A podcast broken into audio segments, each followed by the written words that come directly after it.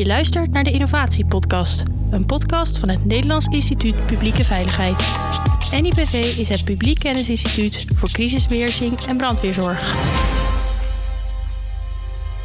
Welkom bij de nieuwe aflevering van deze podcast. Mijn naam is Esther Willemsen. Ik ben programmamanager innovatie bij het Nederlands Instituut Publieke Veiligheid, ofwel NIPV. En ik zit vandaag aan tafel met Ricardo Wever, lector brandweerkunde en Coco Antonissen. Hij is adviseur satelliettoepassingen van het Nederlands Space Office, oftewel het NSO. Welkom, um, Ricardo. Zou jij je kort voor kunnen stellen? Ja, nou, uh, Ricardo Wever. Ik ben uh, lector uh, brandweerkunde. En ja, wij doen met het lectoraat onderzoek naar ja, allerlei incident, typen van incidentbestrijding, commandovoering, maar ook naar de organisatie. En nou, dat is denk ik ook hoe ik in de innovatie ben terechtgekomen. Maar dat vertellen we straks. Heel goed. Nou, Coco, welkom. Jij komt helemaal uit het westen van het land ook vandaag, net als Ricardo. Um, kun jij iets over jezelf vertellen? Ja, nou, dank voor de uitnodiging. Uh, nou, Coco Antonissen dus. Ik ben uh, adviseur satelliettoepassingen bij het Netherlands Space Office. Uh, dat is het ruimtevaartagentschap van de Nederlandse overheid. en nou, we hebben verschillende taken en doelen. Maar het, waar ik vooral aan werk is het stimuleren van het gebruik van satellietdata binnen Nederland. want er is heel veel uh, mogelijk. Dat is niet altijd bekend. Dus wij gaan uh, nou, de deur uit om uh, bij met mensen in gesprek te gaan, zoals vandaag. Um, om nou, iets meer bekendheid te geven aan wat je allemaal kunt met satellietdata. Klinkt heel veelbelovend al voor deze podcast. Um, nou, we gaan eens eventjes terugkijken kort naar het innovatie-event wat onlangs heeft plaatsgevonden. Op 18 februari hadden we op een mooie locatie in de Rotterdamse haven de eerste bijeenkomst van de Innovation Friday, die we normaal gesproken digitaal hebben. En die hadden we real-time dit keer. En dat was echt heel erg super, want uh, de onderwerpen die daar voorbij kwamen, dat was dus ruimtevaart en robotica. Dus het is niet heel toevallig dat jullie hier zitten vandaag. Uh, en zeg maar als welkome aanvulling op die dag gaan we vandaag iets meer de diepte in over deze mooie thema's. Uh, wat we hebben gedaan daar in Rotterdam, dat was uh, vooral zeg maar sprekers aan het woord laten die nou ja, echt dagdagelijks betrokken zijn, onder andere bij ruimtevaart en de astronauten Mindy Howard. we hebben een workshop creatief denken gehad met het bureau En er zijn ook een aantal demo-sessies hebben er plaatsgevonden uh, over het gebruik van robots. En dat was ook tegelijkertijd een hele mooie meet tussen uh, de verschillende regio's die ermee bezig zijn, maar ook andere veiligheidsprofessionals die met robotica werken. En dat brengt me ook tot de vraag aan, uh, aan Ricardo. Want Ricardo die is al wat langer dan vandaag bezig met robotisering, klopt dat? Ja, nou, met robotisering, maar vooral ook natuurlijk met te kijken naar van wat gebeurt er allemaal als het gaat over brand en brandbestrijding en, en wat je, heb je dan allemaal nodig om daar nog veilig te kunnen werken. En dan is robotica eigenlijk een beetje een consequentie. Overigens wel leuk dat ook de koko hier zit. Omdat ja, ook bij natuurbranden loop je natuurlijk nu op tegen de beperkingen van wat je als brandweer kan. En dat is denk ik voor mij de belangrijke drive om ook te gaan kijken naar van zijn er nou alternatieven? En zo kom je onder andere op robotica. Want of natuurbrandbestrijding is ingewikkeld, moeilijk. Als je dat goed wil doen, heb je meer nodig dan wat we nu kunnen. Maar dat geldt ook voor gebouwbrandbestrijding. En ik weet dat heel veel brandweermensen nog denken... nou ja, we gaan gewoon naar binnen. Maar ik denk ook dat er heel veel brandweermensen zijn die nu denken van... nou, we weten het eigenlijk niet zo zeker of het wel veilig is of naar binnen te gaan. Nou, dan heb je keuze. Of laten afbranden of toch naar binnen gaan. Nou, en dan uh, komt robotisering natuurlijk als een van de mogelijke oplossingen. Overigens niet alleen maar meer bij brand. Maar je ziet nu ook waterongevallen. Wat steeds ingewikkelder om dat te doen. Nou, hebben we onderwaterrobots? Nou, kunnen we dat doen? Kunnen we uh, met drones dingen uh, in de lucht doen? Dus robo robotica, daarmee bedoel ik niet alleen zo'n robot... maar daar bedoel ik ook mee... Dat dat daar, er kunnen ook drones zijn, maar alles wat als het ware onbemenst is. Ja. Dus een onbemenste inzet, juist op die plekken waar het feitelijk qua gevaarzetting voor mensen niet meer kan. Ja, nou ja, weet je, we hebben dat natuurlijk ook gezien uh, in, uh, in Rotterdam tijdens dat event. Dat was ik ook echt aangenaam verrast dat je dan iemand ziet staan, inderdaad met een, ja, het zag eruit als een, een, een gewone drone, maar daar zat dan weer een soort kooiconstructie omheen, waardoor die als het ware kon botsen in de ruimte, dat je hem ook echt een gebouw in kon sturen. Ja. Er is al zoveel meer mogelijk dan dat je denkt. Ben jij ook veel onderweg, zeg maar, om dat te gaan bekijken wat er al is? Of hoe, hoe leg jij je contacten met die, uh, die veiligheidsprofessionals? Nou, op, ja, op verschillende manieren denk ik. Kijk, eh, het leuke is natuurlijk dat er gewoon nu regio's zijn die zeggen we beginnen gewoon. En ik kom nog uit een tijd van, toen ik er voor het eerst over begon, toen was het nog van ja, zeker weer Toys for Boys. En wat zijn die robots duur en dat soort dingen. Hè. Dus toen was het, waar, waar ik vooral mee bezig ben, is ook achter de schermen. Maar vooral om uit te leggen waarom dit nou nodig is. Dit is niet Toys for Boys. Dit is echt als je je naar de toekomst kijkt en de gevaren die brandweermensen nu uh, lopen, moet je innoveren. En een van de manieren om dat te doen is zonder, zonder mensen in te zetten. En, dan is het leuk dat uh, regio's als Amsterdam was een van de eerste, Haaglanden, Rotterdam, die begonnen met zo'n robot. En dat was dan eigenlijk nog een onbemans voertuig, hè? nog niet een vliegend ding, want daar zijn andere regio's mee begonnen, die andere twee, hè? Middenwest-Brabant en Twente, die gingen vliegen. Ja. En, maar dan moet je natuurlijk nog van alles ontdekken. Innovatie is natuurlijk ook gewoon ergens mee beginnen en dan kijken waar je tegenaan loopt. En uh, zo uh, ben ik betrokken geraakt bij een project met, uh, met het Hogeschool Saxion. Die natuurlijk ook graag met ons willen samenwerken. Waarbij wij vanuit het INE en IPV, dus ik met name zeg maar, hebben gekeken. Nou, wat is nou, waarom zou je nou zo'n ding moeten hebben? Wat is nou nodig? En dat je vanuit die hoek gaat kijken, kunnen we dat dan op die manier ook toepassen. Dus we hebben wat experimenten gedaan met die regio's. Nou, je ziet dat Rotterdam nu verder gaat. Hè. Die noemt het nu Team Digitale Verkenning. En nou ben ik natuurlijk geweldig dat er een regio is die zo voorop loopt. want die hebben inderdaad zo'n onderwaterrobot. Die hebben drones, die hebben binnenvliegdrones. Want dat is een van de problemen is natuurlijk als je bij zo'n groot gebouw aankomt. En het staat vol met rook. Hoe ga je de brand vinden? Ja. Nou, niet meer door mensen naar binnen sturen en uh, ze gaan de brand zoeken. Zoals we dat vroeger hebben geleerd. Dan wil je eigenlijk iets naar binnen sturen. Dat, ja, waardoor je toch beeld en geluid hebt. Maar dat is nog niet zo makkelijk. Maar daar kan ik straks iets over vertellen. Maar, zeg maar hoe ik erbij betrokken ben is dus eigenlijk vooral als eh, stimulator. Want uiteindelijk moeten de regio's het doen. Wij hebben hier bij het NIPV geen robot.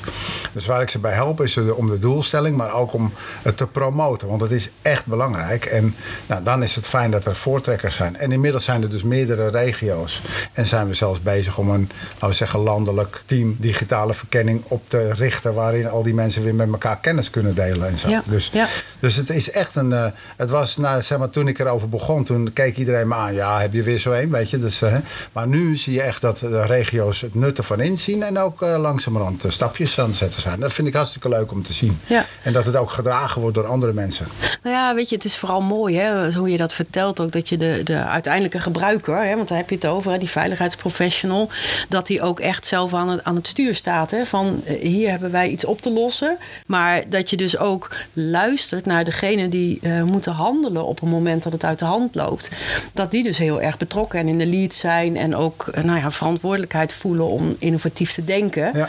Om veiliger daarmee om te gaan. Dus dat is echt hartstikke mooi. Ik kom zo bij jou terug over die inhoud heel graag. Uh, Coco, um, ik ben eigenlijk wel heel nieuwsgierig um, hoe het Netherlands Space Office daarin zit als je denkt over innovatie en, en ruimtevaart. Kun je, je iets vertellen wat jou zo bezighoudt op dit thema? Ja, nou ik vond het wel grappig, uh, Ricardo, wat je net vertelde over de Toys for Boys. Dat mensen dat soms nou, misschien een beetje ver van je bedshow lijkt, robo robots. En hetzelfde geldt wel echt voor ruimtevaart. Mensen die, um, ja, die zien dat misschien nog als science fiction. Je ziet het in films dat je vanuit de ruimte tot echt millimeterniveau kunt inzoomen. Nou, dat is ook wel een beetje science fiction. Dat kan niet. Maar je kunt, wat je wel kunt doen is echt tot een, uh, nou, tot een super groot detailniveau. Bijvoorbeeld 50 centimeter, 30 centimeter inzoomen op de aarde. En heel veel mensen weten dat helemaal niet. Terwijl we in Nederland zelfs een, een dataportaal, een satellietdataportaal hebben. Waarin die data voor iedereen beschikbaar wordt gesteld. Iedereen mag dat gewoon gebruiken. Nou, mensen zijn daar uh, niet zo van op de hoogte. En uh, dat vind ik ook niet zo gek. Maar dat is dus iets waar we ook tegenaan lopen. En um, dus een stukje innovatie is ook echt het bekendmaken. Dus uh, presentaties geven, soms in klein gezelschap, soms in groter gezelschap. Een keer bij het brandweer-event uh, presentaties verzorgd. Uh, dus dat is een stukje van de innovatie. Ja, en dan is het echt dieper erop ingaan. Kijken wat willen mensen nou? Kan satellietdata daar iets in betekenen? Um, en zo ja, soms bestaat de dienst zelfs al. Dan zijn wij heel simpel de matchmaker die zegt: hey, ga naar bedrijf X. Want we hebben een fantastische sector, ruimtevaartsector in Nederland, die echt al heel ver is. Uh, maar toch bestaat het ook vaak nog niet helemaal. En dan starten wij een innovatietraject uh, met die eindgebruiker. Waarin we eigenlijk het bedrijfsleven echt nauw erbij betrekken. En hen uitdagen om met, uh, met oplossingen te komen.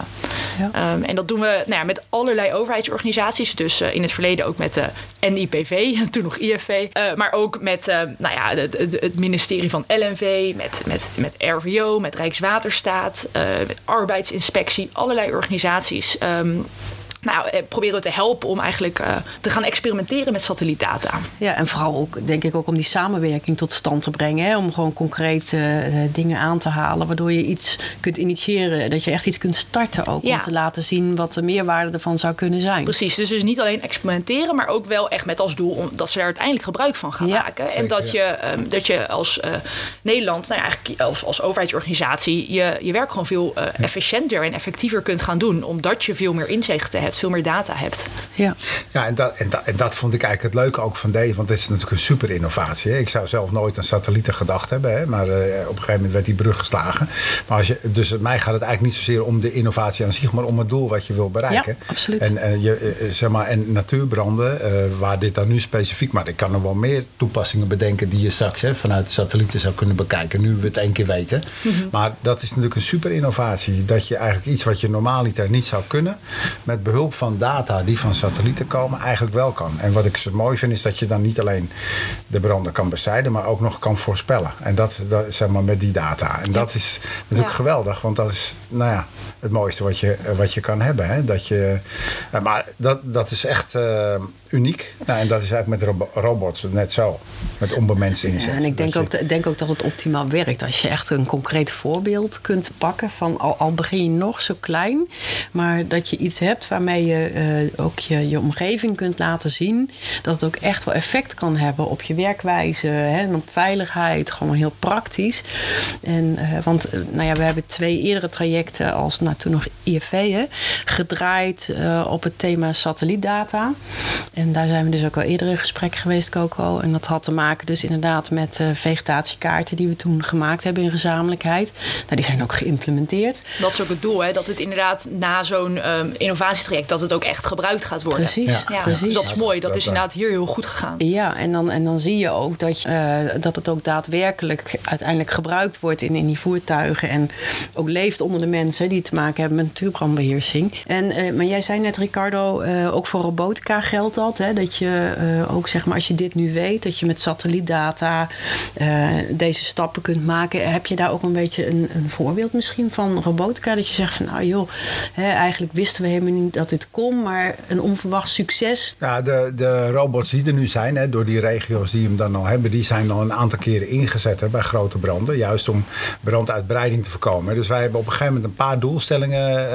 eh, nou ja, iedere brandweermens kent het kwadrantenmodel. Dat betekent dat je of naar binnen gaat of niet, zeg maar. Dus van buitenaf dingen doet. Maar of je nou binnen of buiten bent, er zijn altijd gevaren. Nou, als je naar binnen moet, is het dan logisch, hè, want dan staat het vol met rook. Die rook die kan ontbranden. Dus dat is eigenlijk, als niet weet waar de brand zit, best wel link. Hè, want je gaat een onbekende ruimte in met een groot gevaar. Dus eh, dat is overigens nog wel een ontwikkelpunt. Hè. Dus we zijn er nog niet. Want juist met name als die robot naar binnen moet. Hè, en eh, ik weet nog niet hoe dat nu bij die, bij die vliegdrones eh, gaat. Maar ergens raak je een keer verbinding kwijt. Ja. Eh, dus daar zijn we nu ook weer in een follow-up project. We hopen dat dat toegekend wordt door, eh, door Raak. Zeg maar samen met Saxion en die regio's. Hè. Dus de teams digitale verkenningen, zoals ik dat dan nu maar even noem. Ja. Eh, van de regio's die dat nu doen. aan het kijken hoe je die navigatie, als die, die robot naar binnen moet, hoe je die kan verbeteren. Maar voor de buiteninzet is hij natuurlijk al hartstikke goed toepasbaar. Daar hebben we experimenten gedaan. En dat doen ze dus nu ook al buitenaan. Hè, dus brandoverslag voorkomen. Op plekken waar mogelijk instortingsgevaar is. Waar je dus eigenlijk ook liever geen brandweermensen wil, wil hebben. En het grote voordeel van zo'n robot is natuurlijk dat hij ook nog eens een keer behoorlijk veel water eh, Ja. eh, geeft. En, Ja. eh, nou ja, en, en, ja.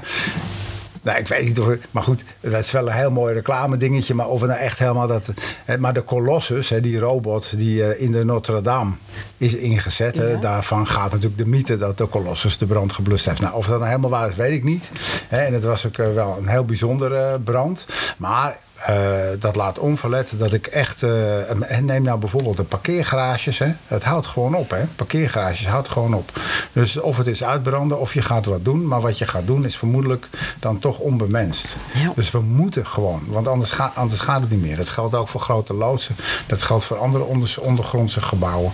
Je, eh, het, het is gewoon te riskant om nog naar binnen te gaan. Ja, dus het is, het is sowieso mega winst dus, als je dit verder ja, eh, mega ontwikkelt. winst. En Ja. dat geldt voor verkenning met een binnendrone. Of, of een, een rijdend ding met een slang waar die kan spuiten, zeg maar. Hè. maar binnen is dus nog echt een ontwikkelpunt. Ja.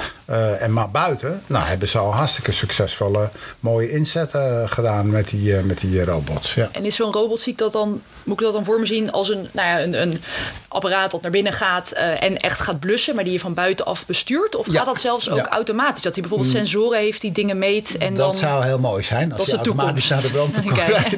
ja, ja dat, zou, dat zou de droom zijn. Okay. Maar en daar, heb ik, nou, daar, daar zie je dus wel eens dat je soms hele mooie gedachten kan hebben, maar dat dat technisch gewoon ook nog niet goed kan. Ja. Uh, en dat heeft te maken met rook. Hè. Dus je kunt eigenlijk uh, niet zo goed door rook heen kijken. Dus warmtebeeldcamera's bijvoorbeeld werken niet altijd. Soms wel, soms niet. Uh, maar ook met hoe, hoe stuur ik zo'n ding dan aan? Welke kant hij op moet? Nou, als hij recht op de brand afgaat in een parkeergarage, rijdt hij zo naar beneden. Zeg maar van het taluut af, zeg maar. Want dan neemt hij de kortste weg. Maar je wil eigenlijk dat hij natuurlijk dat... Nou ja, dus dat soort dingetjes moeten we nog wel doen. Maar het neemt niet weg dat we gaandeweg ook dingen ontdekken. En steeds meer verbeteren.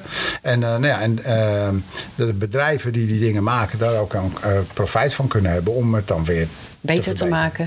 en voor, uh, maar de studenten van Raak, zeg maar, of sorry, van Saxion, die, ja. die Raaksubsidie, die hebben echt ook al hele leuke dingen gedaan hoor. Echt uh, gewoon ook, en dat vind ik er ook wel weer het leuke, dat zij gewoon met oplossingen komen. Wat ik denk, nou, verzinnen ze het. Hè? Dus dingen die, waarvan ik het bestaan ook niet kende. Dus, ja, je, je brengt allerlei nieuwe energie binnen hè? Ja, door zeker, andere mensen te betrekken en vooral ook de wetenschap. Hè? Dat je echt een paar frisse geesten ernaar laat kijken. Want ik merk ook hè, met, met het thema innovatie. Je moet ook heel erg oppassen dat je niet verzandt in, in een denkwijze die van oudsher zo bestaat. Hè? Dat je ook anders naar dingen leert kijken. En soms heb je daar even nou ja, een frisse blik van buiten bij nodig. Innovatie is ook slim jatten. Hè? Dus ik bedoel, uh, gewoon gaan kijken bij de buren. En, ja. uh, de buren en leren van elkaar. Dat, uh, leren en, van en elkaar, elkaar inspireren. Gebeurt dat bij ruimtevaart ook zo? Dat je elkaar opzoekt. En dat je, want hoe zit dat qua schaalgrootte? Want dat klinkt natuurlijk mega, ruimtevaart. Hoe, hoe werkt dat in jullie domein? nou ja, inderdaad, we willen heel graag aantonen dat het dus helemaal niet zo ontastbaar is. Ook al denken mensen dat. Dat het eigenlijk al heel, heel concreet is. Uh, dus nou ja, hoe doen we dat? Ja, er zijn allerlei voorbeelden van. Uh, soms uh, raakt het aan het veiligheidsdomein, soms ook niet. Maar zo is er bijvoorbeeld, dat is ook weer een traject die denk ik twee jaar geleden is gedaan. Ehm, die ging in het veiligheidsdomein met de politie onder andere. En ook de ILT. Die waren erbij betrokken. En dat ging over illegaal grootschalig grondverzet. Oh ja. En daarbij werd eigenlijk satelliettdata ingezet om naar verplaatsingen van grondhopen in kaart te brengen. Uh, en dan ook om te kijken, kun je nou iets zeggen over de samenstelling van die grond? Want als die vervuild is, dan wil er nog wel eens een beetje mee gesjoemeld worden. Um, en eigenlijk uh, wil je dus kijken wat er met die grond gebeurt om zo milieucriminaliteit mee, tegen te gaan. Nou, daar is de politie en de inspectie Leefomgeving en Transport is daar dus nou, nu echt mee bezig om te kijken hoe dat verder kan worden gebracht. en dat is denk ik wel een mooi voorbeeld van wat ook weer raakt aan het veiligheidsterrein. kun, je zelf, kun je zelfs de samenstelling van die grond dan vanuit de satelliet bepalen? Nou, dat is nu waar ze hard mee bezig zijn. Oh, dus het, kijk, het mooie van satellietdata is, en dat, dat heb je ook met drones en met allerlei andere sensoren. Je kunt met bepaalde sensoren, die dus ook op satellieten zitten, soms dingen zien die je met het blote oog niet kunt zien, omdat je op andere golflengtes meet. Dus je hebt inderdaad uh, nou, thermische camera's, ja. zo heb je ook thermische satellieten. En je hebt ook multispectrale data of hyperspectrale data, wat eigenlijk betekent dat je in heel veel golflengtes kijkt, waardoor er dingen zichtbaar worden die je dus met het blote oog niet niet waar kunt nemen. En er wordt nu onderzocht in hoeverre je dan echt iets kunt zeggen over de samenstelling van de grond. Dat is super uitdagend. Uh, maar dat zijn wel echt nou, eh, super recente ontwikkelingen uh, waar we steeds verder in komen. kan dat ook met lucht? Kan je ook de samenstelling van lucht? Rook bijvoorbeeld? Ja, dat is natuurlijk de grote vraag. Uh, dat, dat, is heel uitdagend. Ja. Um, een, er is wel een heel mooi Nederlands instrument, Tropomi, die zit op een Europese satelliet. En die meet wel wereldwijd dagelijks de, de luchtkwaliteit. Um, maar dat is, nog, dat is niet dat hij zomaar alle stoffen in de, in de atmosfeer kan meten. Maar Nederland is daar wel heel goed in. Dus oh, oh. Nederland is denk ik wel de plek uh, om dit soort sensoren, uh, die misschien wel eerst op drones uh, zitten, uiteindelijk naar de ruimtevaart te brengen. En zo dat Kijk. overal in kaart te brengen. Maar het is, het is wel heel ingewikkeld. Dus ja. er is nog heel veel onderzoek voor nodig. Nou, wat wel mooi is, want dat, dat triggert mij even dat we contact hebben ook met het NSO over de behoeftestudie ja. waar we mee bezig zijn. En dat gaat ook over mutatiedata. Hè? Van kun je met een satelliet detecteren dat er veranderingen gaande zijn. En die hebben we ook mooi verbonden aan drone data. Want wat je zeg maar van hoog over kunt zien met een satelliet, zou je zelfs in detail nog weer kunnen zien met een drone. En daar kun je elkaar mee versterken om juist nou ja, het trainen van algoritme of wat dan ook. Maar je kunt ervoor zorgen dat je uiteindelijk nog meer data beschikbaar hebt tijdens een, een incident. En dat vind ik wel heel mooi om te zien hoe dat dan in zijn werk gaat. Dat je, het is echt een soort olievlek. Dat je, je begint met een paar tastbare dingen. Zoals waar we het net over hadden met natuurbranden. Hebben natuurlijk een aantal successen gescoord. Hebben we ook bewezen dat je al echt dat het meerwaarde heeft om met satellietdata te werken. Maar dat het ook eigenlijk uh, heel laagdrempelig voor andere thema's wellicht bruikbaar is. En dan is natuurlijk de vraag van waar zit die behoefte vanuit die veiligheidsprofessional? En daar zijn we op dit moment mee bezig, zeg maar, om dat te verkennen hoe dat er dan uitziet. En ik denk dat dat weer een hele mooie stap kan zijn naar hetgeen waar we het nu over hebben. Iets wat abstract klinkt en dus eigenlijk helemaal niet zo is in de praktijk. Uh, maar dat je die stap kunt maken steeds meer naar, naar nou ja, de perfecte data die je op dat moment nodig hebt. Precies, ja, en met die behoeftestudies krijgen wij dus een veel beter beeld van waar is nou eigenlijk behoefte aan. Daarom ook een behoeftestudie, de naam zegt het al. Uh, ja, om daar in de toekomst eigenlijk uh, vanuit Nederland zo goed mogelijk op in te springen. Ja, nou ja, en het is natuurlijk ook wel als je van elkaar weet, helpt al heel erg, hè? Ja, zeker. Want ik denk dat als je kijkt naar hè, de dingen hè, die wij doen hè, als brandweer of als veiligheidsregio, hè, om het even breder te trekken. En je kijkt ook naar de toekomst, wat zich allemaal ontwikkelt. Dan zouden wij denk ik bij. Dan loop je tegen een aantal belemmeringen op. die je eigenlijk niet meer kan oplossen binnen het huidige systeem. Maar dan zouden we denk ik niet meteen denken aan satellieten. Precies, ja, dat is absoluut. Met satellieten daar gebruik van te maken. Ja. Maar Nee, precies. Ja, dat is absoluut waar we ook, nou ja, wat een van de doelen is en wat we proberen zoveel mogelijk uh, te doen. Om uh, naar buiten te treden, met mensen in gesprek te gaan. Uh, ja, om, om, die bekendheid eigenlijk ook te vergroten. Ja. ja, dat is trouwens ook wel voor het team digitale verkenning. Is natuurlijk ook mooi als de satellietgegevens daar gewoon binnenkomen en je daar vandaan zou zeggen. Ik voel weer een mooi pilotje aankomen. Ja. dan heb ik eigenlijk nog de vraag aan jou, Coco. Heb jij nog iets wat je denkt van, nou, dat wil ik nog heel graag delen vandaag in deze podcast? Nou ja, ik heb nog wel een mooi project die ik inderdaad als heel concreet voorbeeld wilde noemen. Waarvan ik dacht, dit is super interessant voor de veiligheidsprofessional. Iets wat er aan zit te komen. Um, want eh, nou ja, in zo'n innovatietraject dat we afgelopen jaar van het NSO begonnen zijn. Eigenlijk was de insteek klimaat. Maar er, zijn, is, uh, er mochten bedrijven voorstellen indienen met eindgebruikers uh, erbij betrokken. Um, en een van die projecten die, die, die, heeft eigenlijk heel erg nauw te maken met het veiligheidsdomein. Dat is namelijk uh, twee bedrijven, Weather Impact en Hydrologic, die samen aan een innovatie werken om een early warning systeem voor wateroverlast te maken.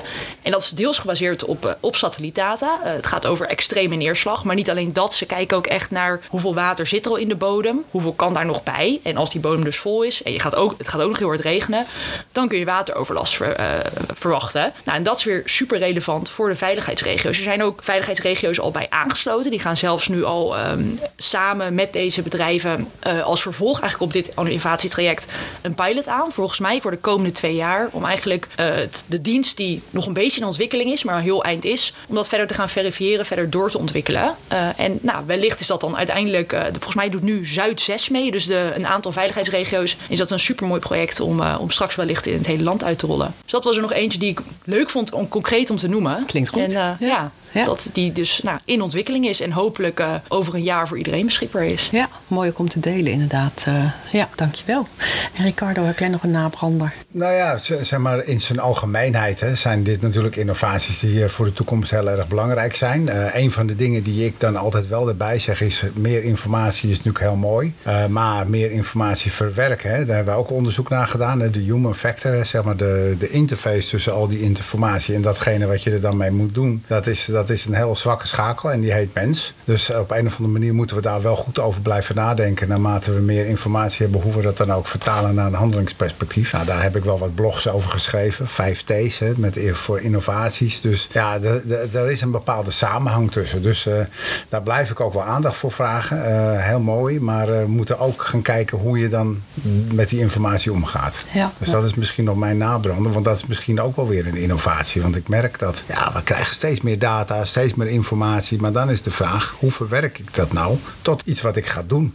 Concreet. Ja. Nou, ja. En dan, uh, en dan daar nou, moeten we nog op zoeken naar hoe dat dan, hoe dat dan moet. Zeg maar. ja, fantastisch dat je dat nog even noemt. Want dat is ook inderdaad, uh, hè, dat merken we met z'n allen. Je kunt van alles willen. Maar uiteindelijk gaat het om de mens. Uh, niet alleen de mens achter de innovatie, maar ook de mens die je wilt helpen. Uh, met je innovatieve denken, je, je, je, producten, je dingen, wat dan ook, wat je allemaal aan nieuwe dingen verzint. Dus laten we daar vooral steeds over blijven houden. De mens die te maken heeft met een veranderende wereld en die vooruit wil denken.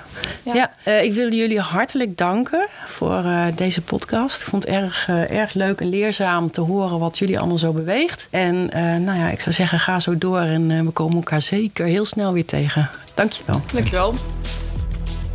Ook aan alle luisteraars. Bedankt voor het luisteren. Werk jij nu ook aan een innovatieproject of heb je een briljant idee waar je trots op bent? Mail ons op innovatie.nipv.nl en vertel je verhaal in onze podcast. Wil je meer weten over ons? Abonneer je dan op onze podcast of kijk op nipv.nl. Graag tot de volgende keer.